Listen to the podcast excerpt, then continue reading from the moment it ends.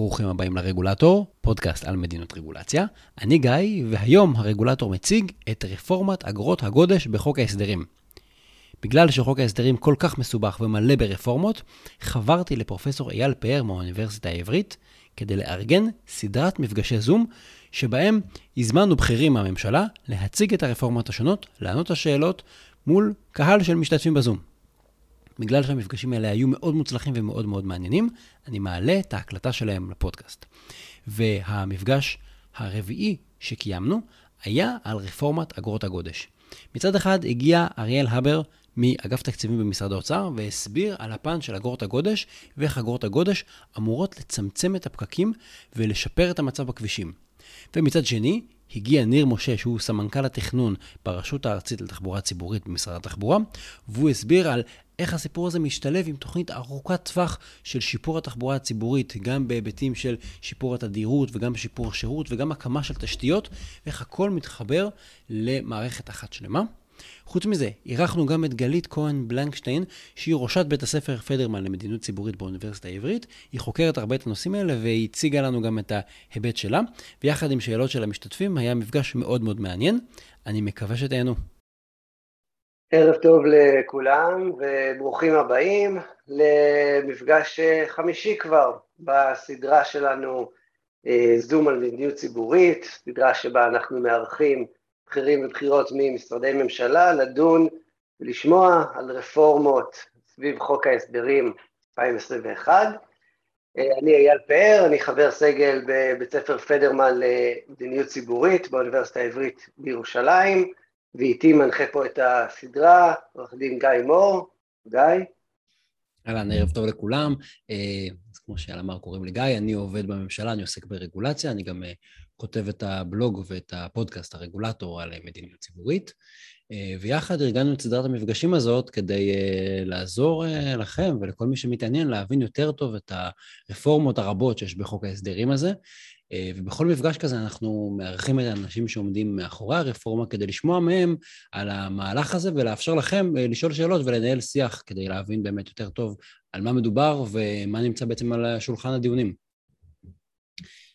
אז, אה, אז היום אנחנו מארחים אה, על, נושא מאוד מאוד חשוב, אקטואלי, אה, עליו הרבה בחדשות, נושא של הגודש בכבישים, אישית בתור תל אביבי, אני מרגיש אותו כל הזמן, ממש עכשיו בשעה האחרונה שהייתי צריך להביא את הילדים שלי חזרה מהחוג, ומצאתי את עצמי עומד חצי שעה ברמזור. אה, אבל זה כמובן לא משהו חדש, אה, ומשהו שעובדים עליו הרבה מאוד זמן, אה, ואנחנו מאוד מאוד מודים לשני אורחים פלוס אורחת שיש לנו היום. מהממשלה יש לנו את אריאל הבר, משרד האוצר, אריאל תעשה שלום, ואת אה, ניר משה אה, מהרשות הארצית לתחבורה ציבורית. ובנוסף מצטרפת אלינו אה, קולגה שלי מבית הספר, מדיניות ציבורית, דוקטור גלית כהן בלנקשטיין, שהיא גם ראשת בית הספר, והיא חוקרת תחבורה הרבה מאוד שנים, עוד הרבה לפני שהרעיון של אגרות גודש נהיה פופולרי או במרכז השיח כמו שהוא היום. אה, אז אנחנו נתחיל מיד את ההצגה בזה שאריאל וניר יספרו לנו על הרפורמה. לאחר מכן אה, גלית תוסיף כמה הערות ותובנות אה, משלה על כמומחית בתחום, ואז אנחנו נפתח, כהרגלנו, נפתח את הבמה לשאלות שלכם. אתם יכולים, כבר מוזמנים תוך כדי ההצגה, כבר להתחיל להעלות שאלות בצ'אט. וגיא ואני אה, נעלה אותם לפי הסדר. אה, אז בואו נתחיל. אה, אריאל, ניר, מי מכם פותח? אני, אני אתחיל. טוב, אז קודם כל תודה על ההזמנה. תמיד טוב להציג את הרפורמות הגדולות שכולם מדברים עליהן אי שם באולימפוס בגבעת רם ובכנסת לכולם. והשאלות שעולות מהאזרחים, כל מי שמתעניין בדבר הזה, גם משפיעות, תאמינו לנו, אה, אז גם לנו חשוב להשתתף בזומים מהסוג הזה. אה, טוב, אז אני לא אקדים יותר מדי, אני אגש ישר לעניין ונציג בקצרה את, ה, את הרפורמה. אה, כמו שאייל אמר, לא צריך להציג יותר מדי את הבעיה, כולנו מרגישים את הפקקים, מרבית הפקקים באופן די צפוי קורים באזור גוש דן, שם נמצא, רוב, נמצאים רוב אזורי התעסוקה של ישראל ובהתאם הפקקים גם הם בעיקר אנשים שאנחנו קוראים להם יוממים שהם נוסעים מהבית לעבודה כל, כל בוקר. הפקקים שיש בדרך לצפון בחגים ומקומות כאלה הם פחות קריטיים גם לכלכלה ולכן כרגע לפחות פחות, פחות מעניינים. בשורה של מדדים בינלאומיים אנחנו רואים את תל אביב כל הזמן מופיעה בראש הרשימות של הערים הכי פקוקות, הערים שבעצם קשה להגיע לעבודה, זמן הנסיעה מתארך ביותר מפי שתיים בנסיעה לעבודה בתל אביב, אנשים ש, שיוצאים מאזורים שהם קרובים יחסית לאזורי, לאזורי התעסוקה והמצב רק צפוי להחמיר הקורונה כמו שכולנו יודעים לא, לא היטיבה עם המצב, רק הרעה אותו. משני כיוונים, פעם אחת אנשים קצת התייאשו מהתחבורה הציבורית וויתרו עליה למעשה וקנו רכבים, רואים את זה ברכישת הרכבים ובירידה בתנועות בתחבורה הציבורית. ואת הפקקים כולם שכחו מה היה, מה היה לפני הקורונה ולכן בגלל שהקורונה טיפה הורידה את הפקקים ברגע שהכל חזר ואפילו החמיר טיפה כולם פתאום מתפוצצים וכל שבוע כתבה בערוץ 12 על, על הפקקים ו, וכולנו מרגישים. אה, אוקיי, אז מה הבעיה עם הפקקים האלה? אה, אנחנו רואים פגיעה בתוצאה, פגיעה מאוד משמעותית. אה, לסבר את האוזן עשינו איזשהו אומדן במשרד האוצר, מעריכים את הנזק שבאופן כללי מרכבים פרטיים, מהנסיעה ברכב פרטי בכ-40 מיליארד שקלים, שחצי מתוכו, 20 מיליארד שקלים, זה עיבוד זמן. אה, כשאני אומר עיבוד זמן הכוונה בעיקר אה, לאובדן תוצר שאנחנו מניחים שאנשים שהיו אה, היו אה, יכולים לעבוד במקום הזמן הזה ולהרוויח פחות או יותר את השכר הממוצע אה, במשק, זה אמירה קצת פשטנית, החישוב הוא טיפה יותר מסובך כדי להכניס עוד כמה אה, הנחות פנימה. אה, זה למה הדבר הזה כל כך מעניין אה, אותנו כמשרד האוצר ואני מניח שאני עונה פה על חלק מהשאלות שיעלו בהמשך ועוד יכולות לעלות, אבל למה משרד האוצר בעצם מתעניין בזה ולא, אה, ולא משרד התחבורה בעיקר.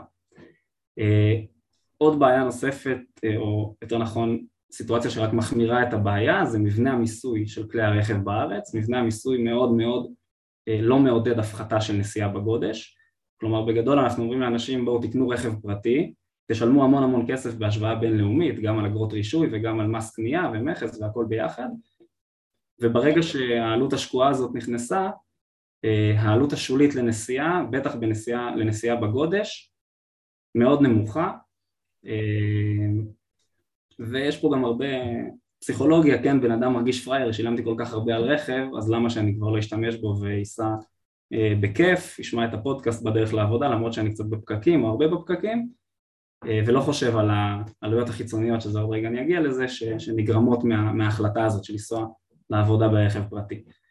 אה, אז רק כדי לכסות את הבעיה, אי אפשר להמשיך ככה, אנחנו נמצאים בנקודה מאוד קריטית, הבעיה גדלה בצורה אקספוננציאלית, אה, כל שנה שעוברת הבעיה תחמיר אה, ואפילו יותר מזה, ועכשיו אנחנו מגיעים לאיך אנחנו יכולים לפתור את הבעיה הזאת, כשבראש שלנו, אפשר לפתור את זה בהרבה כיוונים, בראש שלנו היה בגדול לשקף את העלויות החיצוניות שהבחירה בשימוש ברכב פרטי אה, גורמת להם.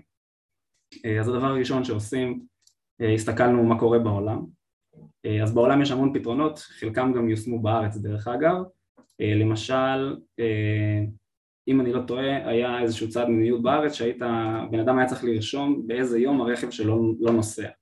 אז חשבו שככה יהיה אפשר להפחית מספר המכוניות שנוסעות. סוג של פתרון, הוא לא בדיוק עבד, הוא יוצר כל מיני עיוותים בשוק. אה, והוא לא מיטבי. עוד פתרון אפשרי, למשל משהו שמיישמים בסינגפור, זה הגבלה של מספר כלי הרכב שנוסעים בכביש. אה, גם הדבר הזה הוא לא הצורה הכי יעילה לפתור את הבעיה ש, שלפנינו, אה, ומחירי המכוניות והרישיונות למכוניות בסינגפור הם נורא נורא יקרים בגלל הדבר הזה. אני מניח שגם נוצרים שם כל מיני שווקים שחורים וכל מיני תכמוני מס כאלה, כמו שדברים מהסוג הזה גורמים. אפשר גם עוד פתרון לדבר, לבעיה הזאת, שאם קצת נפקס את הבעיה, הבעיה היא שיש לנו משאב במחסור בעצם שלא מתומחר, אז בעולם גם פותרים במרכאות בעיות כאלה פשוט בעמידה בתור, שזה מה שקורה היום. אנחנו עומדים בתור המון המון זמן ולא משנה אם מישהו ממהר יותר, מישהו ממהר פחות, כולם משלמים אותו דבר, וזה עונה לעוד, אני מניח, שאלות שיעלו בהמשך, שהיום אנחנו כבר משלמים אגרות גודש. מי שנוסע היום לעבודה בתל אביב משלם אגרות גודש, הוא קורא לזה 20 דקות עיכוב בפקק, אבל אפשר להמיר את זה די בקלות למונחים כספיים. אז הסתכלנו קצת יותר בעולם, זה לא קורה בהמון מקומות בעולם, אבל במקומות שזה, שהפתרון שאנחנו מציעים קורה בהם, הפתרון של אגרות גודש, רואים בכל המקומות הפחתה בגודש והפחתה קבועה. זאת אומרת לא הפחתה חד פעמית ואז כולם מתרגלים לשלם את המס, רואים הפחתה קבועה של, זה התחיל ב-30-40 אחוז, טיפה התמתן, אבל זה, ה, זה, זה המספר. וכדי להיות בטוחים במה שאנחנו אומרים, בניתוח שעשינו אצלנו בבית, ב-2019 גם הבאנו לארץ צוות מאוד מכובד של ה-OECD שכתב מחקר ספציפי על ישראל, על בעיות התחבורה, זה זמין באתר של ה-OECD ואם מישהו רוצה נוכל לצרף את זה להקלטה של הזום הזה והוא בעצם ממליץ די בצורה חד משמעית על החלה של אגרות גודש באופן מיידי בישראל במודל, שוב עם כמה סייגים, אבל במודל שאנחנו מציעים אז מה אנחנו מציעים? מה שאנחנו מציעים ניצב בעצם על שתי רגליים מרכזיות שאני אציג את אחת מהן וניר ממשרד התחבורה יציג אותה מיד, את הרגל השנייה מיד אחריי אבל שתיהן מאוד מאוד חשובות אנחנו רוצים לשקף לאנשים את העלות החיצונית שהם מייצרים ליתר נושא הכביש, כלומר בזה שאני גורם לאנשים אחרים להתעכב בפקקים, בעצם לתמחר כמה הדבר הזה עולה. ואני עוד רגע אעלה מפה כדי שזה יהיה גם מול כולנו, רגע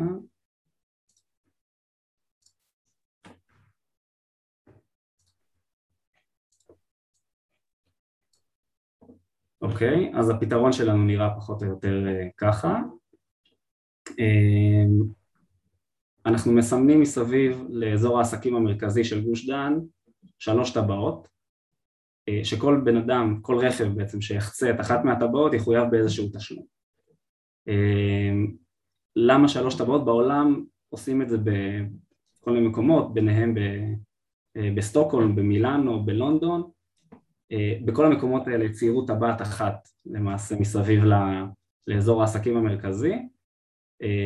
אנחנו ציירנו שלוש גם בגלל שהשטח שאותו אנחנו מנסים לכסות הוא טיפה יותר גדול מהמקומות האחרים וגם בגלל שהדבר הזה הוא מדמה יותר מס רציף. זאת אומרת הרבה אנשים היו רוצים לראות איך מתמחרים עלויות חיצוניות לא באופן בינארי של חציתי טבעת או לא חציתי טבעת אלא באופן רציף לפי קילומטרים. הדבר הזה מאפשר לנו ככה לאחוז את החבל משתי קצותיו פחות או יותר, גם לחייב אנשים ביותר, בתשלום יותר גבוה אם הם נסעו יותר באזורים העמוסים, הקדושים, מצד אחד, מצד שני לא ללכת למס לפי קילומטרים, כי יש איתו המון המון בעיות והוא לא סתם לא מיושם באף מקום בעולם. אז אם אני מסתכל שוב על המפה, בעצם בשעות הבוקר, שזה שש וחצי עד עשר בבוקר, כל רכב שיחצה את הטבעת החיצונית אני לא יודע אם אתם רואים את העכבר, אבל אני אסמן ומניח שאתם רואים. כל רכב שחוצה את הטבעת החיצונית יחויב בתשלום של חמישה שקלים בשעות הבוקר.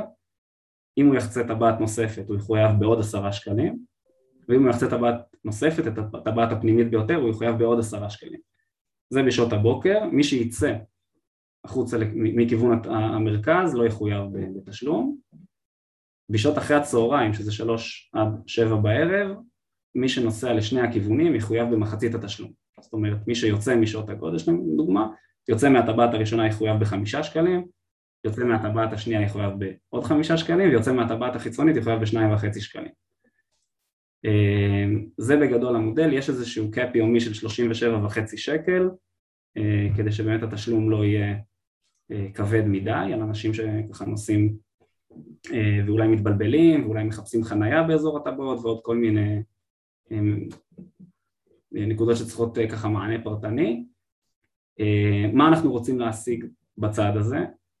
אה, אנחנו רוצים, שוב אני אולי אענה על שאלות, נענה, נענה גם על שאלות בהמשך, אבל היו פה שתי אופציות שעמדו לפנינו, אנחנו יכולים לתמחר את העלויות החיצוניות כמו שאמרנו, ואז אנחנו כאילו לא יודעים מה תהיה התוצאה, האם הפקקים יופחתו או לא, ואנחנו יכולים לקבוע, כמו בנתיב המהיר שיש בכביש, בכביש אחד למי שמכיר, לקבוע מחיר שהוא יהיה דינמי, והוא בעצם מבטיח שתמיד תהיה תנועה שוטפת בכביש.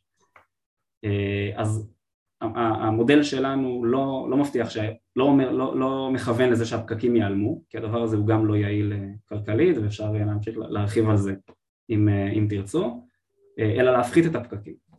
ובעולם כשהטילו אגרות מהסוג הזה כמו שאמרתי רואים הפחתה של הגודש בערך 30-40 אחוז. אם צריך לתרגם את זה למונחי כלי רכב זה הפחתה של בערך 15 אחוז מכלי הרכב. וזה הדבר שכיוונו אליו. את הדבר הזה גם עשינו כמה ניסויים בארץ שהגדול שבהם נקרא נעים לירוק או דרך ערך בשם העכשווי שלו שמראה שפחות או יותר אפשר להגיע לאפקט הזה עם המחירים שאנחנו הצענו, המחירים שאמרתי קודם ואני אסיים גם עם כמה נתונים ככה כדי לסבר את האוזן. אה, לפי הנתונים שאנחנו רואים היום עם האנשים שהיום נוסעים לאזור המרכז אמ, אנחנו רואים שתשלום ממוצע של בן אדם יהיה 12 שקלים בשעות הבוקר ועוד 6 שקלים בשעות הערב. אה, זה לא איזה משהו שהוא גרנדיוזי, זה לא משהו שהישראלים אה, לא רגילים אליו, כן, נסיעה ממוצעת בכביש 6 עוברים בה בערך ארבעה מקטעים, התשלום הוא פחות או יותר דומה, בין 15 ל-25 שקלים, אה, אז זה גם משהו שאנחנו מכירים, משהו שאנחנו חושבים שהאפקט שלו יהיה מאוד מאוד משמעותי, הפחתה של 30% בזמן המבוזבז בכביש זה הפחתה מאוד משמעותית, שהתועלות שלה הם מיליארדים אה, ברמה משקית, וזהו, זה החלק הראשון. אה, את החלק הבא שניר יציג, אני רק אגיד במשפט למה הוא כל כך חשוב, האנשים שירדו מהכביש הם לכאורה גורמים לנזק משקי, זאת אומרת זה אנשים שאולי לא נוסעים לעבודה ואת זה אנחנו לא רוצים אה, שיקרה. אה, האופציות של האנשים האלה זה או לעבור לאוטובוס, זאת אומרת לנסוע לאן שהם חשבו, אה, וזו אופציה אחת, האופציה השנייה היא לעבוד מהבית, האופציה השלישית היא לוותר על הנסיעה, אז כמובן שלוותר על הנסיעה מבחינתנו זה הכי, הכי רע, כן? כי זה שוב פוגע בכלכלה, אה, והאופציה הכי טובה זה שיגיעו בתחבורה ציבורית וכמה שיותר מהירה. אה, ההגדלה של האלטרנטיבה הזו של תחבורה ציבורית, ההגדלה של האטרקטיביות שלה, אה, גם אמורה להגדיל את הביקוש, את גמישות הביקוש לנסיעה, זאת אומרת כל שקל באגרה שיעלה או ירד יסיט יותר אנשים לכיוון התחבורה הציבורית ולכן חלק מאוד מאוד חשוב מהרפורמה הזאת זה בעצם תוספות שירות או הפיתוח של התחבורה הציבורית שאותה ניר יציג אה, אחריי. סטורי? כן, תודה רבה אריאל. בבקשה, ניר, בוא תספר לנו איך uh, התחבורה הציבורית uh, תרוויח מארגות הגודש ומה צפוי לנו ואולי השאלה הבוערת ביותר תוך כמה זמן. כן, אז uh, קודם כל, אה, נעים מאוד, אה, ניר משה, מנהל אגף בכיר אה, תכנון תחבורה ציבורית ברשות לתחבורה ציבורית במשרד התחבורה. אז בעצם המשימה שאנחנו קיבלנו, החלק שלנו בכל החקיקה הזו, היא, בעצם גיבוש תפיסת הפתרון. אני אגיד ש, שאין חולק על, על השאלה האם לאגרות גודש או אני ממיר את המילה אגרות גודש, אה, האם אה, לעבודה של הממשלה על, אה, לא רק על ההיצע אלא גם על הביקוש יש, יש, יש תפקיד בצמצום הגודש? בסוגיה הזו אין ספק שהמשרד המשרד חושב שכן, כלומר אנחנו בהחלט חושבים וחשבנו לאורך השנים שיש לגעת לא רק בהיצע אלא גם בעצם בביקוש, בין היתר על ידי אה, שינוי תעריפי החנייה וגם על ידי אה, הטלת אה, מס גודש או מיסים כאלה ואחרים. ובעצם השאלה שעלתה או, או, או הנושא שאנחנו התעסקנו בו זה דווקא לנסות להבין האם אנחנו יכולים להכין את המערכת בטווח יחסית קצר לקלוט כמות אה, מאוד גדולה של נושאים, אבל לא רק לקלוט כמות של נושאים, אלא אה, לשפר בצורה מהותית את השירות שניתן היום לנושאים, כי אנחנו מבינים שרמת השירות במטרופולין תל אביב היא לא, מוש, היא לא מושלמת, כלומר אריאל נתן דוגמאות למדינות אחרות שבהן באמת יושם הסדר דומה. שטוקהולם, לונדון, אמסטרדם, כל המדינות האלה בדרך כלל הנשק יום הדין הזה הופעל אחרי הקמה של מערכת הסעת המונים מפותחת ואחרי מיצוי מיצוי של התשתית.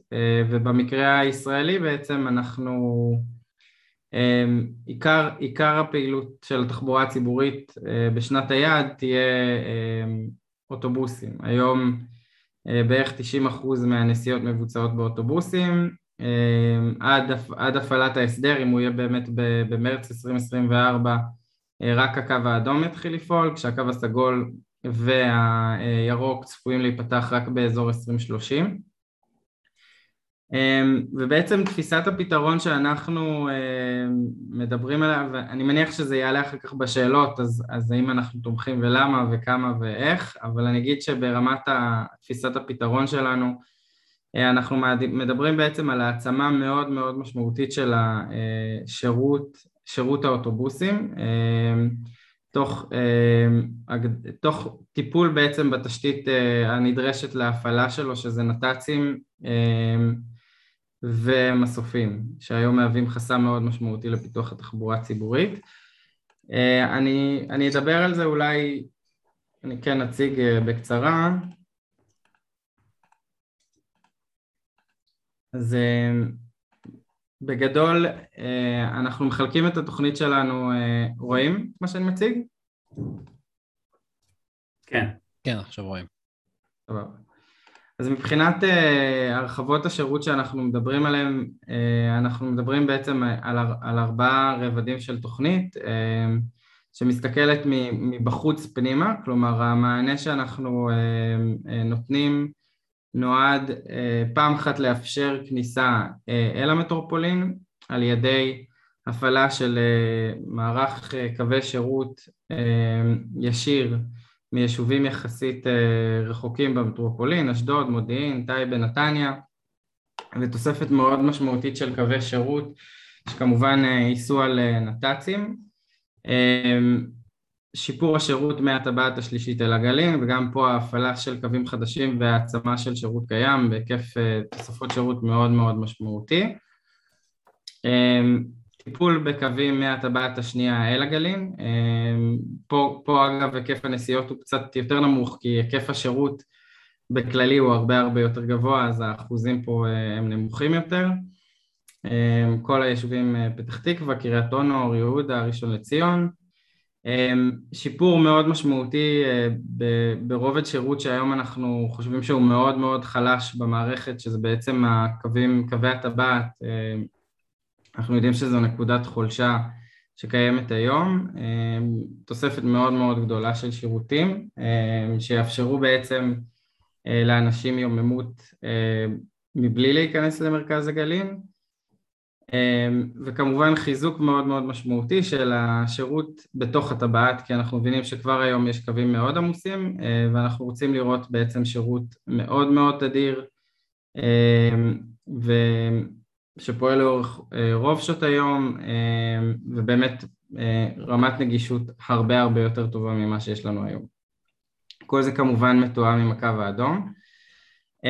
במקביל בעצם לעבודה הזו שאנחנו עושים על קווי השירות, ההסתכלות שלנו כן, אמרתי, מסתכלת מבחוץ פנימה אז אנחנו כן, תפיסת הפתרון שלנו מתבססת על פיתוח מאוד גדול של חניוני חנה וסע.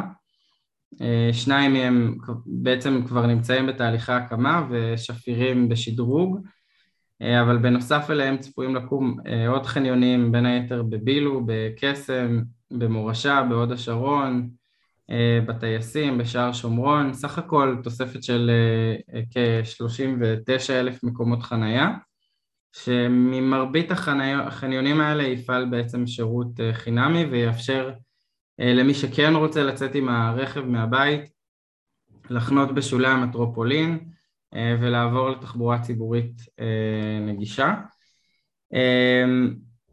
בנוסף לתוספות השירות המאוד נרחבות שאני הצגתי פה, בעצם כמובן אנחנו גם מבינים שבלי להפוך את האוטובוסים למהירים יותר מבחינת זמן הנסיעה ולייצר להם העדפה לאורך רוב המסלולים שלהם, אז, אז הם לא יהיו אלטרנטיבה ראויה. אז אנחנו מדברים על פיתוח מאוד מסיבי של צירי העדפה, גם, בצירים, גם ברובד הבין-עירוני וגם בעירוני, ופיתוח של נתיבים רבי תפוסה. עוד פעם, תפיסת הפתרון שלנו אומרת שאנחנו מאפשרים גם וגם וגם. וכל התוכנית הזו כמובן נתמכת בהקמה משמעותית של, של מסופים שהיום מהווים חסם מאוד משמעותי. בסך הכל, גם אמרתי את זה בדיון הראשון על הגודש כשהצגתי, מה שאנחנו מציגים ואנחנו אוהבים להתייחס אליו זה לא תוכנית הגודש אלא תוכנית החומש, כלומר המשרד מסתכל על האירוע הזה כהזדמנות בעצם לממש תוכנית האצה מאוד מאוד משמעותית ולקחת תוכניות שהיו נפרסות ב, בוא נגיד עסקים כרגיל על עשר שנים ולצמצם אותם לחמש שנים. מתוך הבנה, מתוך הנחה ש, שהדבר הזה יכול להביא ויביא לשיפור מאוד משמעותי בהיצע השירות.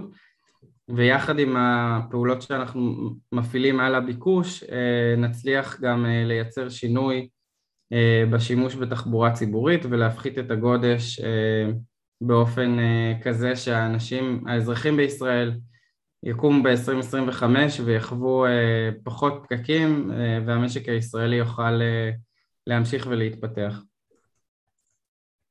יופי. טוב, תודה רבה ניר, תודה אריאל.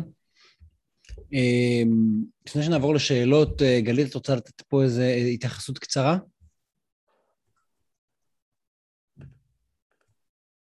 כן, תודה. אמ, אני רוצה לתת את הפרספקטיבה של אה, איך ממסגרים את המדיניות הזאת ואיך מוכרים אותה, כי אני רואה בינתיים את כל ה... שאלות שיש בצ'אט, ואני קוראת עיתונים, אני רואה את ההתנגדות העזה לאגרות גודש, ו, ויש לי הרגשה שמשרד האוצר, אה, יותר מאשר משרד התחבורה, כי הוא מוביל את זה, אה, לא, לא מתמודד עם האירוע הזה. זאת אומרת, מתמקדים בעיקר בלשכנע את הפוליטיקאים, ואז מה שקורה שבוועידות הכנסת הם רק אה, נוגסים עוד ועוד ברפורמה הזאת, בלי בלי לעשות תהליך אה, שכנוע אמיתי אה, של, של, של הציבור הרחב. החל מזה שהרפורמה הנפלאה וההזדמנות הזאת בשדרוג משמעותי של שירות האוטובוסים במטרופולין דן, שניר הציג, נפקד לחלוטין מהדי, מה, מהדיון על אגרות גודש, זאת אומרת, במקום לראות את זה, כמו שניר מציג, כחבילה, כתוכנית חומש, כל מה שאנחנו שומעים זה רק על אגרות גודש. אה, יש בזה, זה, זה, זו תקלה, תקלה באיך שממסגרים את, ה, את, ה, את המדיניות הזאת ומנסים לשכנע את הציבור. אה, והציבור הישראלי לא שונה מהציבור בכל העולם, ההתנגדות לאגרות גודש היא משהו, אם יש מה שמאחד את העולם, זה התנגדות לאגרות גודש, אלא במקומות שכבר עשו אותם, ואז אנחנו רואים שיש אה, תמיכה באגרות גודש. אז זה לא נושא, זה לא בא בהפתעה שיש התנגדות, לא ציבורית ולא פוליטית. ולכן כל האירוע הזה של התוכנית של אגרות גודש, שלא לא מונגשת בשום נייר עבודה, גם לי, ש... זאת אומרת, שמי שמתעסקת בזה, אי אפשר לראות את הנייר, אי אפשר לראות את המודלים, אי אפשר לראות את החלופות, אי אפשר להשתכנע שהחלופה שנבחרה באמת היא החלופה ש... אה, תופס, שממקסמת את התועלות הציבוריות, אה, כי אין, זה לא שקוף, הכל סודי. ה-OECD, אני יודעת שעשו נייר מאוד מאוד גדול אה, שחקר את אגרות הגודש, הוא לא מפורסם בשום מקום, אין גישה אליו, יש משהו מאוד לא פתוח ולא משכנע בכל התהליך הזה. דווקא באירוע שהוא כל כך מעורר התנגדות, וכל, לא רק, עוד פעם, לא רק בארץ, בכל העולם, אז להיערך לזה, אמ, הייתי מצפה ש, שיערכו לזה אחרת, שימסגרו את זה אחרת, שיסבירו את זה אחרת, שיתפרו ביחד את התחבורה הציבורית אה, לתוך האגרות גודש, כי האמון, האמון אה, הציבורי בממשלה בישראל הוא לא משהו, והאמון באגרות גודש ובכוונות שעומדות מאחוריהם הוא גם כן מאוד נמוך.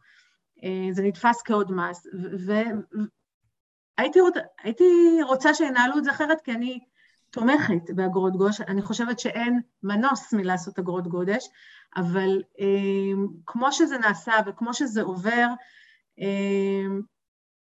זה, זה, זה פשוט מנוהל בצורה אה, אה, לא, לא נכונה בעיניי מבחינה ציבורית, אה, ואולי יש עוד מקום, יש עוד הרבה מקום לשפר את זה, זאת אומרת, יש לי הרבה מה להגיד על זה, אבל בנקודה הזאת ההרגל של ממשלה לשמור את, את כל הנתונים, לשמור את הכל קרוב לחזה, לא לחשוף, לא לשתף, לא להסביר, יעמיד בספק רב את, את המימוש של המדיניות הזאת. גם אם היא תעבור בכנסת, אז ידחו אותה וידחו אותה, ואף פוליטיקאי לא ירצה לממש אותה, אם לא נצליח להגדיל את התמיכה הציבורית באגרות גודש. ולהגדיל את התמיכה הציבורית באגרות גודש זה קודם כל להגיד, אריאל אמר את זה יפה, אתה דיברת בעיקר על כך ש, שיש לנו עלות שקועה עם הרכב הפרטי, שאנחנו משלמים כל כך הרבה שפריירים לא נשתמש בו.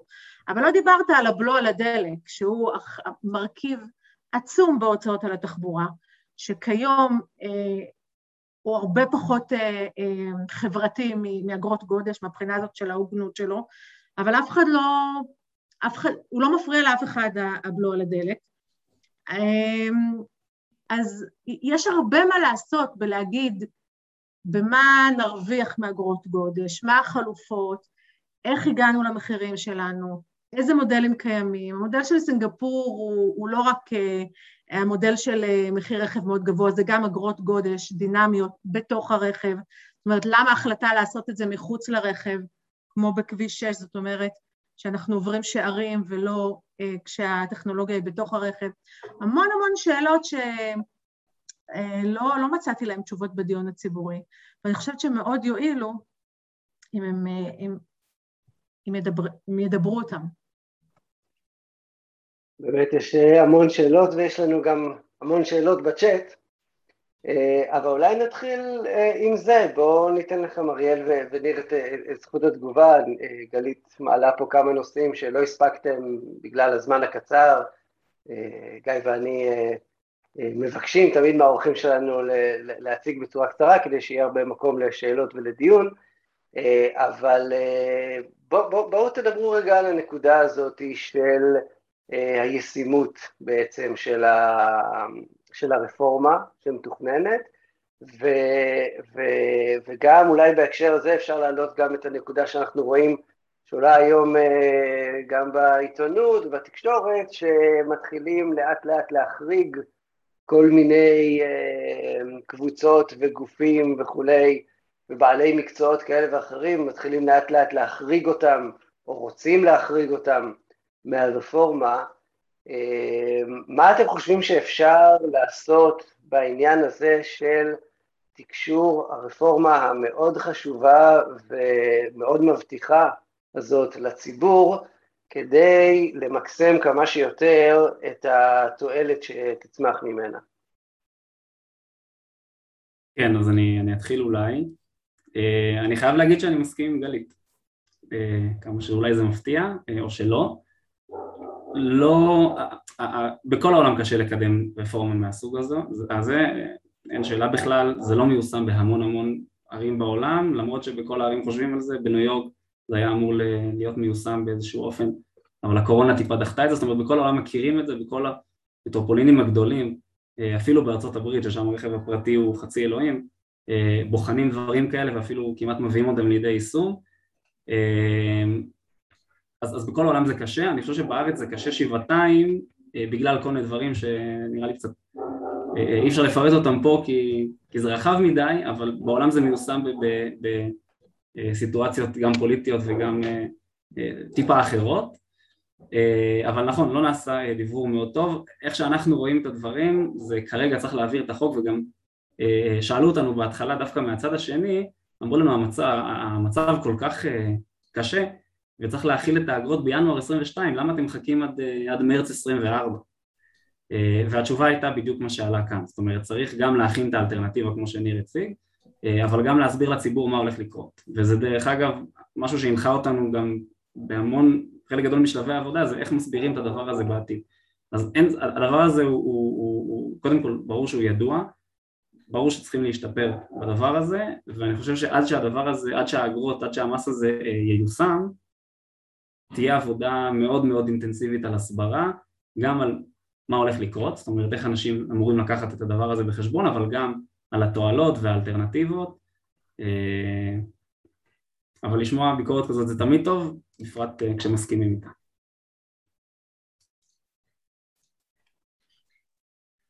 אני חושב שאריאל ענה מעולה, אז אה, אין לי מה להוסיף. יאללה, נתחיל לעבור לשאלות פה ש... שהמשתתפים שאלו. אז הילד פה מציגה סדרה של שאלות. Uh, הראשונה, אם אתם יודעים לומר מה המצב של פרויקט דרך ערך, שנתן תמריץ חיובי כדי להפחית נסיעות. זאת אומרת, במקום מקל דווקא שימוש בגזר, והאם הוא צפוי להמשיך גם מתוכנן בשנים הקרובות, או שאגרות הגודש יחליפו אותו. ניר, אתה רוצה לענות? אני אענה. טוב, אני אתחיל, אם ניר אם תרצה להוסיף. כרגע דרך ערך ממשיך, ממשיך כרגיל, אפילו עוד מגייסים אנשים. אמ, הדרך ערך, כמו שכולנו אה, מבינים, נותן לנו המון המון מידע ביחס לאגרות גודש, גם הזכרתי את זה בפתיחה, אה, ונורא חשוב לנו להמשיך ולקבל את הפידבקים האלה. אה, בטח אם הממשלה תרצה לבחון סוג של אגרות גודש גם במטרופולינים אחרים שלאט לאט הופכים ליותר ויותר קדושים, אז אני מניח שהפיילוט, הניסוי הזה יורחב לאזורים האלה. אה, אז לשאלה הזאת כן, הפרויקט ממשיך כרגע, ברור שאם אה, החוק אה, יתחיל ויתחילו, יתחיל המיסוי, קראתם לו המקל, אז אין צורך בהרבה מובנים בגזר, אבל אני מניח שהוא יקבל פשוט, ייראה קצת אחרת, אבל הוא יימשך. אוקיי. Okay. המשך השאלה של איילת, היא שואלת מה לגבי מטרופולין ירושלים, אם יש כוונה להרחיב, אם החוק יאפשר להרחיב, אה, אז כרגע לא. אה, לחוק קוראים אה, מס גודש בגוש דן, שמו המלא, במטרופולין תל אביב, אבל כחלק, מה, כחלק מהחוק מוקמת ועדה שאמורה בעצם ללוות את הדבר הזה, ועדה בין משרדית, וחלק מהתפקידים של הוועדה זה לבחון את ההרחבה של, ה, של הפרויקט הזה לגמרי, של הרפורמה. אוקיי. Okay. ירון פה מתלבש על אה, דרך ארץ, אני ממשיך את השאלה שלו, הוא שואל אם יש data גולמי יחס...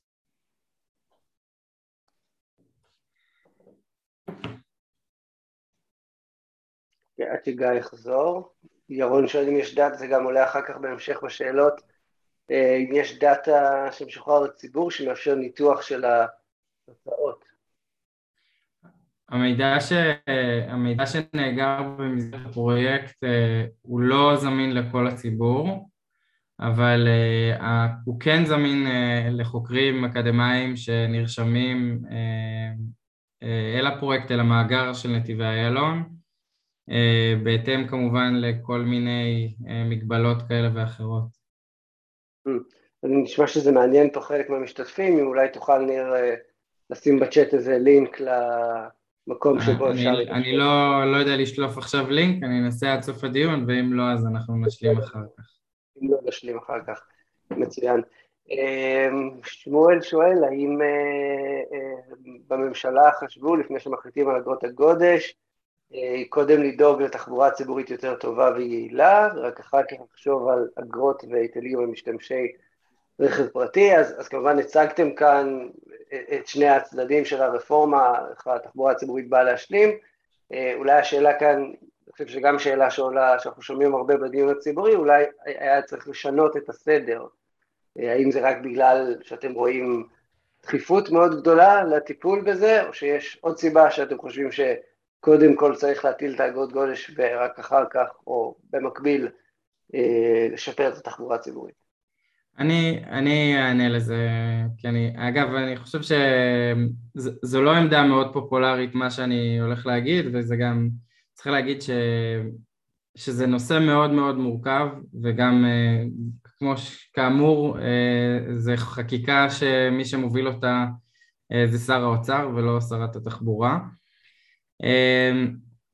אבל אני חושב שני דברים. אחד, תוכנית החומש, שזה עצם המילה, כלומר עצם המושג תוכנית חומש בתחבורה ציבורית, זה תקדים, זה משהו שלא היה אמ, לא, לא הייתה קורית בלי אגרות הקודש, כלומר הדרך היחידה שהצלחנו להעביר את זה מול האוצר, ואני רק אגיד מה המספרים, מדברים שלושה וחצי מיליארד שקל למסופים, שישה וחצי מיליארד שקל לנת"צים בין עירוניים ועוד משהו כמו ארבעה וחצי לנת"צים עירוניים, 2.7 מיליארד שקל תוספות שירות בסוף החומש, וזה תקציב תמיכה, כלומר הוא שנתי, אלה תקציבים מאוד מאוד גדולים, ואני חושב שהם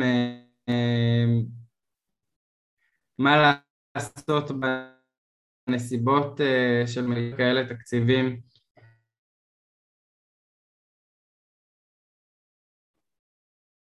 אתה קצת נקטע לנו, ניר.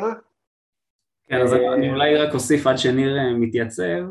כן. מבחינה, השאלה הזאת לא מפתיעה, זאת אומרת בכל מקום שבו אגרות הקודש הוכלו, ההתנגדות הראשונה הייתה רגע אבל תשפרו את התחבורה הציבורית גם במקומות שהתחבורה הציבורית היא טובה לכל הדעות, תחבורה ציבורית לא יכולה לתת מענה לכולם שבעה ימים בשבוע, 365 ימים ביום, בשנה, מכל יד זה לא באמת יכול לקרות, תחבורה ציבורית עובדת על מסות, אבל בהחלט, שאמרתי, חלק מאוד מאוד חשוב ברפורמה זה, גם כשאנחנו כמשרד אוצר, כן, רואים בה חלק מאוד גדול אה, מבחינות כלכליות, לא מבחינות של איך משווקים את הדבר הזה. אני אה, חזרתי, אני לא יודע מתי איבדתם אותי. אז אני רק, אני רק אסיים, אבל כמו שאמרתי בהקדמה, אה, אנחנו משלמים כבר היום את אגרות הגודש, זאת אומרת אגרות הגודש לא איזה מס, מס נוסף טכנית, אבל הן לא אמורות להיות מס נוסף, הן אמורות להמיר את זמן ההמתנה בפקק, בתור, באיזשהו מס שאמור להוריד את הדבר הזה, ולכן בהרבה מובנים היה נכון מבחינה כלכלית להטיל אותם גם ללא אה, שיפור של החלופה של תחבורה ציבורית ואני סיימתי. בהקשר הזה אני באמת רציתי לשאול אותך משהו שאמרת בהצגה קצת אה, הפתיע אותי, או הרגיש לי שאולי הוא סתירה ואני אשמח אם תוכל ליישב לי אותו. מצד אחד אמרת שאנחנו, ש, ש, ש, שעשיתם, שאתם יודעים שהתחומים האלה שמדברים עליהם עכשיו הם אמורים להיות אפקטיביים כתמריץ לשינוי התנהגות, בין היתר מהניסויים שעשו בדרך ערך וכולי. אבל אז גם אמרת שהסכומים האלה הם דומים לסכומים שאנשים משלמים בכביש 6 וכולי, כלומר זה לא משהו שאנחנו, אה, שהנהג הישראלי לא יהיה רגיל אליו. ופה יש קצת סתירה, זאת אומרת איך אנחנו, איך, מה, מה אנחנו, מה מבטיח לנו שבאמת התמריץ הזה יהיה משהו שאנשים ייקחו בחשבון בתכנון היומיומי של הנסיעה שלהם, או שזה משהו שאנשים יתרגלו לשלם, אה, אולי אפילו גם אנחנו נתחיל לראות תופעה שהעלויות האלה מתגלגלות למעסיקים לפעמים, אם זה עובדים עם כוח מספיק חזק, או לגופים אחרים שיכולים בעצם לממן את זה בצורה כזאת או אחרת, אה, ואז נפספס חלק לפחות מהאפקטיביות של הרפורמה. כן, אז אני קודם כל אגיד נתון אחד ואז אתייחס, אנחנו לא רוצים שאנשים יפסיקו לנסוע ברכב פרטי. אה, אני אגיד את הצד השני, אנחנו רוצים ש-85% מהאנשים ימשיכו לנסוע עם הרכב הפרטי. אה, רכב פרטי זה אחלה כלי תחבורה, וברוב מוחלט של הזמן הוא גם הכלי הכי יעיל וזה בסדר גמור להשתמש בו. אה, באזורים קדושים, בשעות קדושות, פחות, ולכן אנחנו כן רוצים שחלק מה, מהנוסעים יעברו לתחבורה ציבורית. זה... סליחה? אה, אוקיי. אה, עכשיו, לגבי השאלה, קודם כל, שוב, עשינו ניסויים בארץ, אה, ולמרות שאנשים רגילים לשלם את המחירים האלה, הם שינו את ההתנהגות ובצורה די דרמטית. אה, האמירה לגבי זה שזה לא איזה סכום שככה אנשים יופתעו מאוד לגביו, מתייחסות ל... זה מסיר חלק מההתנהגות לכל הפחות. אה, אוקיי, אם בהתחלה בכביש 6 היו אה, המון המון התנגדויות של רגע למה אני צריך לשלם בכלל על כביש, אה, היום אנשים כבר רגילים לשלם על כביש גם בנתיב המהיר וגם בכביש 6 ולכן הדבר הזה הוא כן, אנשים יכולים לקחת אותו בחשבון אבל אנחנו כן חושבים שהוא ישפיע ורואים איך בעולם הוא השפיע זהו בגדול. זה, יש פה שאלה מאוד מעניינת של גלעד ששואל, מה לגבי אם אני נכנס עם הרכב הפרטי שלי, אבל עם רכב שמלא בנוסעים, כמו שהיום יש את ה-2 פלוס 3 פלוס, אה, למה לא זה? ואולי כנ"ל לגבי מוניות, יש נהג ומסיעה שניים, שלושה, ארבעה, עשרה נוסעים. כן, אז גם לזה יש התייחסות בחוק. אנחנו כן חושבים שעוד כיוון נכון לפתרון של בעיית הפקקים זה הגדלת מקדם המילוי, זאת אומרת כמה אנשים בממוצע יש ברכב. אה, הגדלת מקדם המילוי הכי ישירה והכי אה, טובה נקרא לזה היא באמצעות תחבורה ציבורית, כן? באוטובוס נכנסים די הרבה אנשים על שטח די קטן של כביש, אבל אתם צודקים, גם ברכב פרטי זה יכול לקרות, רואים את זה בניסויים שמשרד התחבורה הוביל אה, בנתיב פלוס, בכביש 2 ובאיילון. אה, כרגע אין את האמצעים הטכנולוגיים לוודא דבר כזה, זאת אומרת שלא נוכל לדעת שיש ברכב באמת שלושה או ארבעה אנשים, מי שנוסע היום בנתיב המהיר ורוצה לקבל את, ההנחה, כי הוא עם רכב אה, מלא אנשים צריך לעצור בבודקה ובן אדם בודק אותו פיזית, כמובן שזה בלתי אפשרי אה, במודל שאנחנו מציגים, אה, וגם בכביש, בנתיב פלוס, בכביש 2 ובכביש 20, יש אופנוענים של המשטרה שנותנים קנסות, הם נותנים די הרבה קנסות, כמה עשרות ביום, אבל זה לא ישים בהיקפים יותר גבוהים. ברגע שיתאפשר ויהיה איזשהו רכיב טכנולוגי שיודע לעשות את הדבר הזה, אה, אז כן הכנסנו בחוק את האופציה לתת איזושהי הנחה או פטור אה, לרכבים כאלה. בעיקר אה, עניין של אכיפה. גל שואל, מה לגבי השפעות אחרות על הכלכלה, השפעות יותר עקיפות? למשל, לא רק הסטה מרכב פרטי לתחבורה ציבורית, אלא מישהו שמשנה את שעות העבודה שלו. זה עלול לעוות עניינים של work-life balance, אולי לפגוע באנשים שעושים משרות הורה וצריכים לצאת בשלוש כדי להוציא את הילד מהגן, מה הם יעשו. אה, וזה מס לאנשים שגרים אה, לא, לא בתוך תל אביב, והם אה, צריכים לנסוע מבחוץ ולהיכנס לתוך גוש דן. לגבי האנשים שבעצם חלק מהפתרון, כמו שאמרתי, הוא הנושא של חניוני החנה וסע, שדווקא בעולם הזה של אני רוצה לעשות חצי נסיעה עם הרכב ואחרי זה כדי לאסוף את הילדים או לשים אותם בבוקר אה, זה לדעתי נותן מענה לסוגיה הזו. אה, ומה היה ההמשך של השאלה?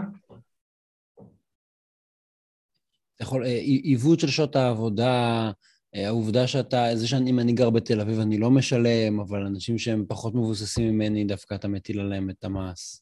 אז אני חושב שקודם כל גם הצגנו נתונים בכנסת, מרבית הנסיעות שהטבעות האלה תופסות מבוצעות על ידי אה, תושבי המטרופולין, אה, אגב רובם על ידי תושבי המטרופולין אה, שנמצאים ברמה סוציו-אקונומית גבוהה יחסית. ובסוף אנחנו עוד פעם הצגנו מגוון פתרונות גם לאלה שיגיעו אל המטרופולין מבחוץ, אם, אם זה החניוני חנה וסע שהם יוכלו לחנות אליהם או פיתוח אה, שצפוי ברשת הרכבות, המסילות בעצם, ב, אומנם אה, לא בחומש הראשון אבל בחומש אה, השני. בסוף הכוונה היא חד משמעית, היא לשנות התנהגות. אני חושב שדווקא מי שיושפע יותר מההסדר הזה הוא תושבי הטבעת השנייה ולא אלה שמגיעים נגיד מקריית שמונה וחיפה ש, שהחברים שלנו בכנסת מאוד אוהבים להזכיר אותם זה, בוא נגיד שזה, מדדנו את זה, אנחנו יודעים להגיד אה, ככל הנראה מי יושפע מזה ומאיפה הם מגיעים. כן, אני אתייחס לחלק הראשון, אני אתייחס לחלק הראשון גם של השאלה, שאלה מצוינת, אה, של, אבל היא נכונה כמעט לכל צעד מדיניות, בטח לצעד מיסוי, איך אתם יודעים על מה זה עוד ישפיע, או יש לזה עוד השפעות שליליות, זה נכון בהגדרה, לכל צעד מדיניות יהיו גם השפעות שליליות וגם השפעות שאנחנו לא חושבים עליהן מההתחלה. אה, פה הפתרון הזה, אה, להבנתנו, הוא נועד לפתור את הבעיה הזאת, הוא לא מעורר את הבעיה הזאת. כלומר, אנחנו רוצים לשקף את העלויות החיצוניות, כמו שאמרתי, זה עלויות שמשולמות היום גם ככה. זאת אומרת, אנשים משלמים את זה בצורה אחרת, אבל זה נועד ליישר דווקא את מבנה התמריצים, אה, ככה שאנשים לא יעבדו את ההתנהגות שלהם. אם הבנתי את השאלה נכון, זו הייתה השאלה לגבי עיוות ההתנהגות. אוקיי. ושאלת המשך של גל, אני רואה פה, האם נבחנו עוד חלופות? למשל, שירותי תחבורה ציבוריים, אובר, ליפט, דברים כאלה, שהיום אי אפשר להפעיל אותם בצורה, במודל המלא שלהם בישראל על פי חוק. למה לא לאפשר גם את זה כעוד פתרון תחבורתי?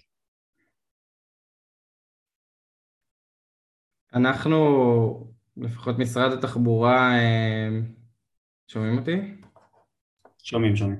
כן. אה, בבחינת השילוב של אה, Uber, לפחות בתצורה המלאה שלו, אנחנו חושבים שהאמצעי הזה לא אחת הביא דווקא לתוצאה ההפוכה בעולם.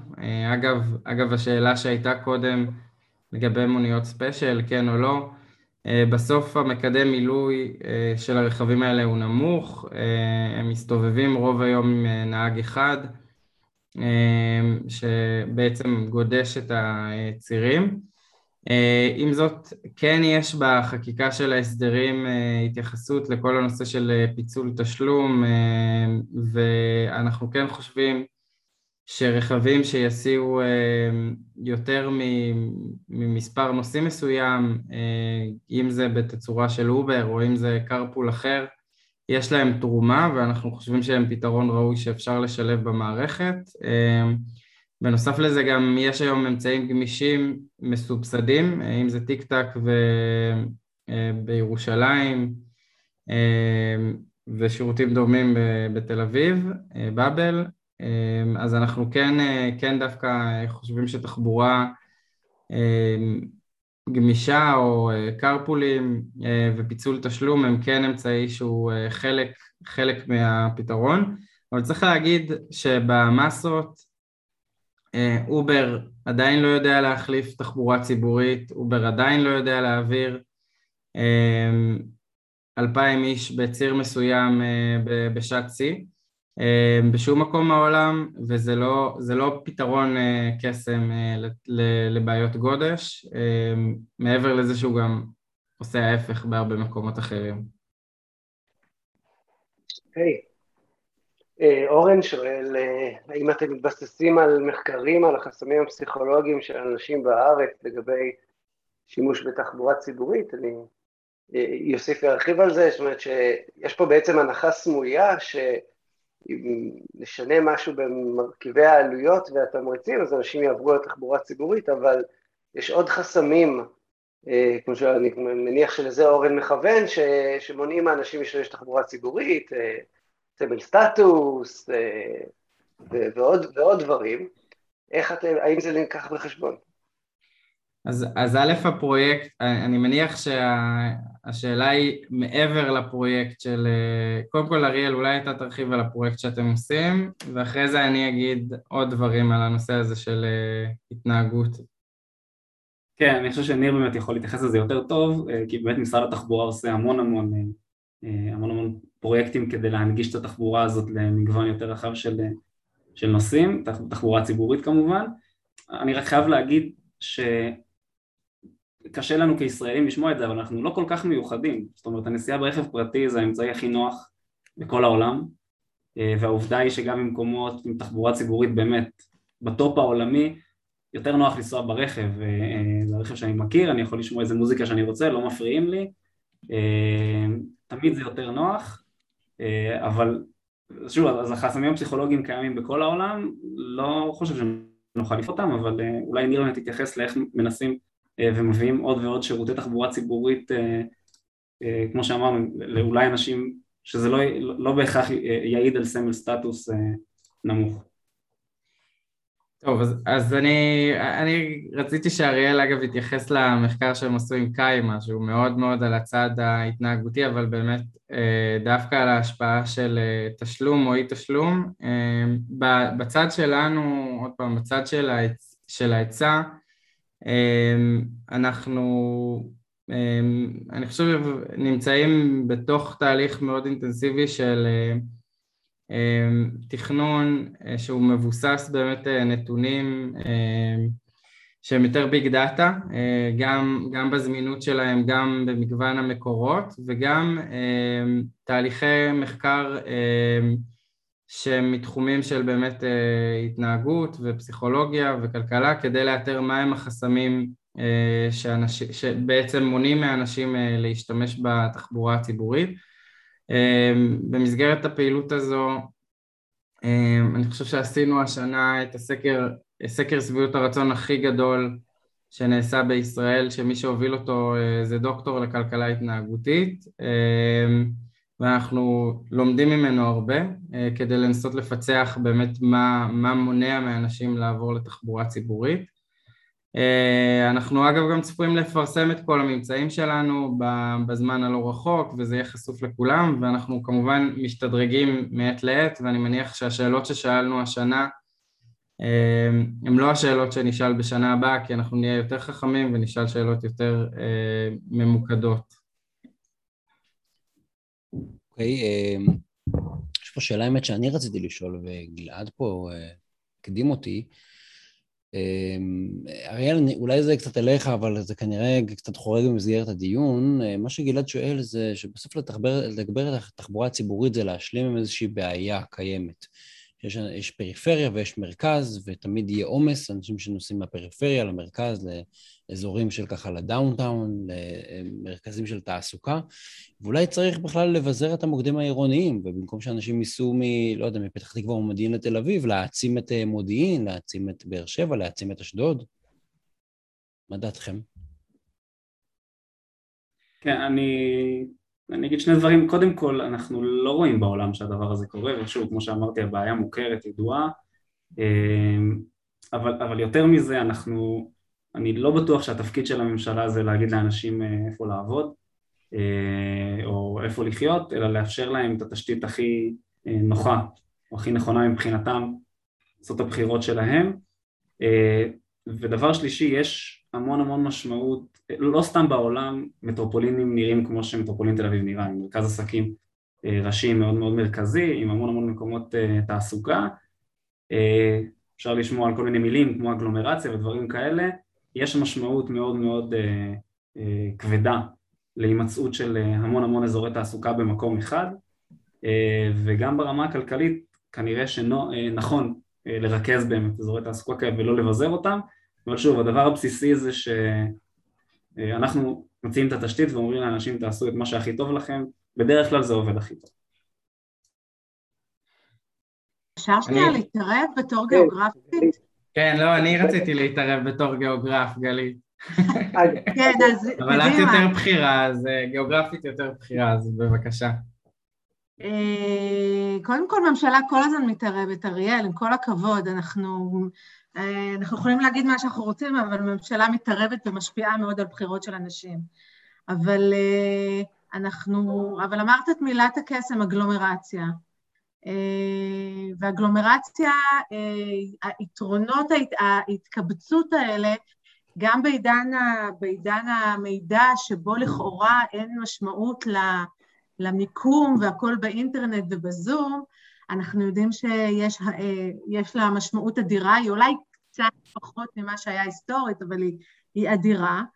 אה, ודווקא ישראל ידועה, ב, כן, ב, ב, בניסיון הפיזור אוכלוסין, ואנחנו יחסית עשינו הרבה בשביל לפזר את, ה, את האוכלוסייה. זאת אומרת, פועלים בכל מיני כיוונים, ו, אבל אה, כל ההצדקה, אם, אם תקראו את ההצדקה ל, למה להשקיע במטרו של תל אביב 400, כמה? 400 מיליון?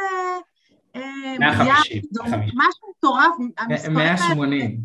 כן, לא יודעת, כבר, זה, זה כבר מאבד את הרלוונטיות שלו, אז מה ההצדקה?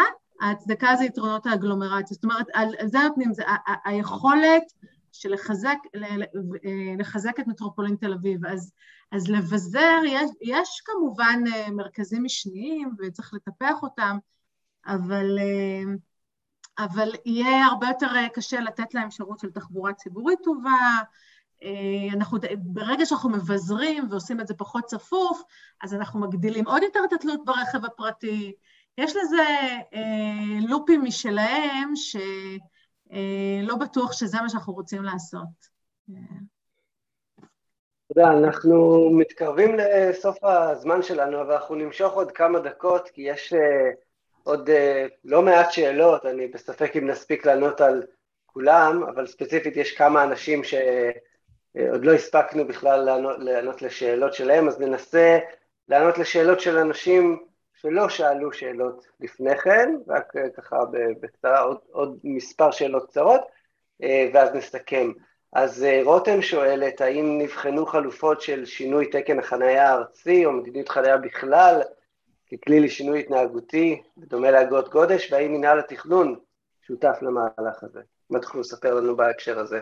מי שקשוב לדיוני ועדת הכלכלה, פשוט הם כל הזמן מתנהלים במקביל, יודע שאנחנו יחד עם האוצר, או יותר נכון האוצר יחד איתנו, מנהל בימים אלה דיונים שהמטרה שלהם הם לשנות את, את מבנה עלויות החנייה היום, בעצם היום יש מקסימום ומאוד קשה, אגב, יש פרצות בחוק לחריגה מהמקסימום הזה, אבל המקסימום הוא בערך 6.30, אריאל, שזה ממש ממש לא כן. לא משקף את, ה, את המחיר של, של מה הרכב הפרטי הזה שתופס את השטח הזה בתל אביב גורם. אה, המטרה היא בין היתר לבטל את מחיר המקסימום ולאפשר לרשויות מקומיות אה, לקבוע תעריפים אה, גבוהים יותר, לקבע מחיר מינימום גבוה יותר, כזה שבעצם אומר לחנייה יש מחיר, ובמקביל גם למנוע מ... או לשנות את הצורה שבה רשויות מקומיות נותנות מחיר, בעצם לא משקפות לתושבי העיר מחירי חנייה בכלל. אה, זאת אומרת, חד משמעית, אני חושב שהעבודה הזו על, ה, על הצד של ההיצע, אה, הממשלה נכנסה אליה פעם ראשונה ובצורה אגרסיבית, ו, ואין שאלה בכלל, גם אגב, גם, גם המחקר ש, ש, שהאוצר ניהלו יחד עם נתיבי אלון ואיתנו הראה שלנושא הזה של עלות אה, נסיעה יש, יש במקומות שבהם אין חנייה יש השפעה רחבה יותר, כלומר גם בישראל אפשר לראות ממחקרים עדכניים שאם uh, uh, המשתמש צריך למצוא חנייה או לשלם על חנייה אז הוא, זה, זה באמת מפחית לו את, ה, uh, את הרצון להשתמש ברכב פרטי. אייל פה שואל שאלה... כן, יאללה שואל פה שאלה מאוד מעניינת, ואני חושב שאיתה גם נסכם. אמ, הוא שואל בעצם, יש פה המון המון השקעה בתחבורה ציבורית, אנחנו יודעים אבל שכסף זה לא הכל, בטח לא בעולם של בירוקרטיה ממשלתית, ואנחנו מכירים את אתגר תיאום התשתיות. יש המון המון שחקנים שצריך לתאם ביניהם, יש המון המון שחקני וטו, יש הרבה אנשים שצריכים להסכים, או, לא, או אפילו רק לא להתנגד. אמ, ונראה לי זו הזדמנות נהדרת לדבר על כל הסיפור תיאום התשתיות בממשלה. אה, יש מאמצים מאוד מאוד גדולים אה, במטרו, כמו שאייל מציין. אה, מה אם משהו לא חפור מתחת לקרקע? יש פה, יש גם בתחבורה הציבורית היותר קונבנציונלית מאמצים בנושא הזה? טוב, התשובה הכי פשוטה לדבר הזה זה שצריכים לסיים את זה. ניר עבר לעבוד 24 שעות, שישה ימים בשבוע אחרי שהוא מקבל את כל התקציב. אבל זה נכון, זה אחד הדברים הכי הכי, שהכי מקשים על פיתוח תשתיות, וגם בחוק שאנחנו מדברים עליו עכשיו יש לו התייחסות, דיברת על לבנות תשתיות תת-קרקעיות שזה כאילו יותר פשוט, גם בחוק המטרו יש התייחסות רבה מאוד לתיאום התשתיות ולכל שחקני הווטו. משרד התחבורה להבנתי, ושוב ניר תערב מתי שאתה רוצה, עשה עבודה די מדהימה בשנים האחרונות והוא ימשיך לעשות עבודה בכל המובן הזה של תיאום תשתיות, הקימו מערכת חדשה לתיאום תשתיות שלא הייתה קיימת במדינה עד היום באופן די מפתיע. אה, אבל זאת שאלה מצוינת, זאת אומרת באמת החסם, אחד החסמים הגדולים לפיתוח של כל הדברים, של כל התוכנית הזאת שניר הציג אה, זה בעיה של תיאום תשתיות, בעיה של נימבי, כל מיני בעיות כאלה שבאמת מקשות על פיתוח תשתיות וזה אתגר של הממשלה. אני, בסוף האתגר הזה, בעצם אני חושב לאו דווקא רק הנושא של תיאום תשתיות, אלא בעצם ביצוע התשתיות שנדרשות אה, לטובת הפעלת תחבורה ציבורית זה, זה אתגר. אה, אנחנו במשרד אה, כבר היום, לפחות בעולם של המסופים, החלטנו ללכת לכלים הכי משמעותיים שיש לממשלה, דרך הוות"ל בעצם, ולקדם שם פרויקטים. לפעמים, מה זה לפעמים? יש לנו לפחות שלוש, שלוש, יש לנו לא מעט רשויות שמתנגדות לפרויקטים שאנחנו מקדמים, אבל בצד השני אנחנו גם מעוניינים, אני מניח שזה משהו שיתפוס תאוצה, לבוא עם עסקאות חבילה, כי בעצם מדובר פה על, על תוספות מאוד מאוד משמעותיות ש, שיביאו לשיפור בעצם לשיפור לאזרח ולתושב ואנחנו חושבים שגם על הצד של ההסכמה וגם בעצם בשימוש בכלים יותר חזקים נוכל לממש את התוכנית, אין ספק שהיא מאוד מאוד מאתגרת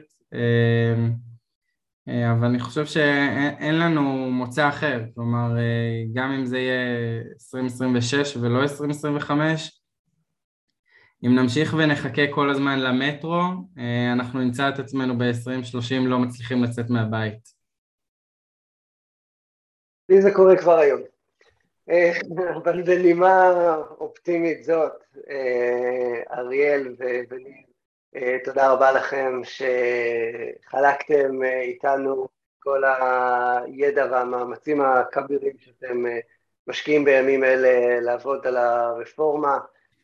תודה רבה גלית שהצטרפת אלינו והוספת מהמומחיות שלך.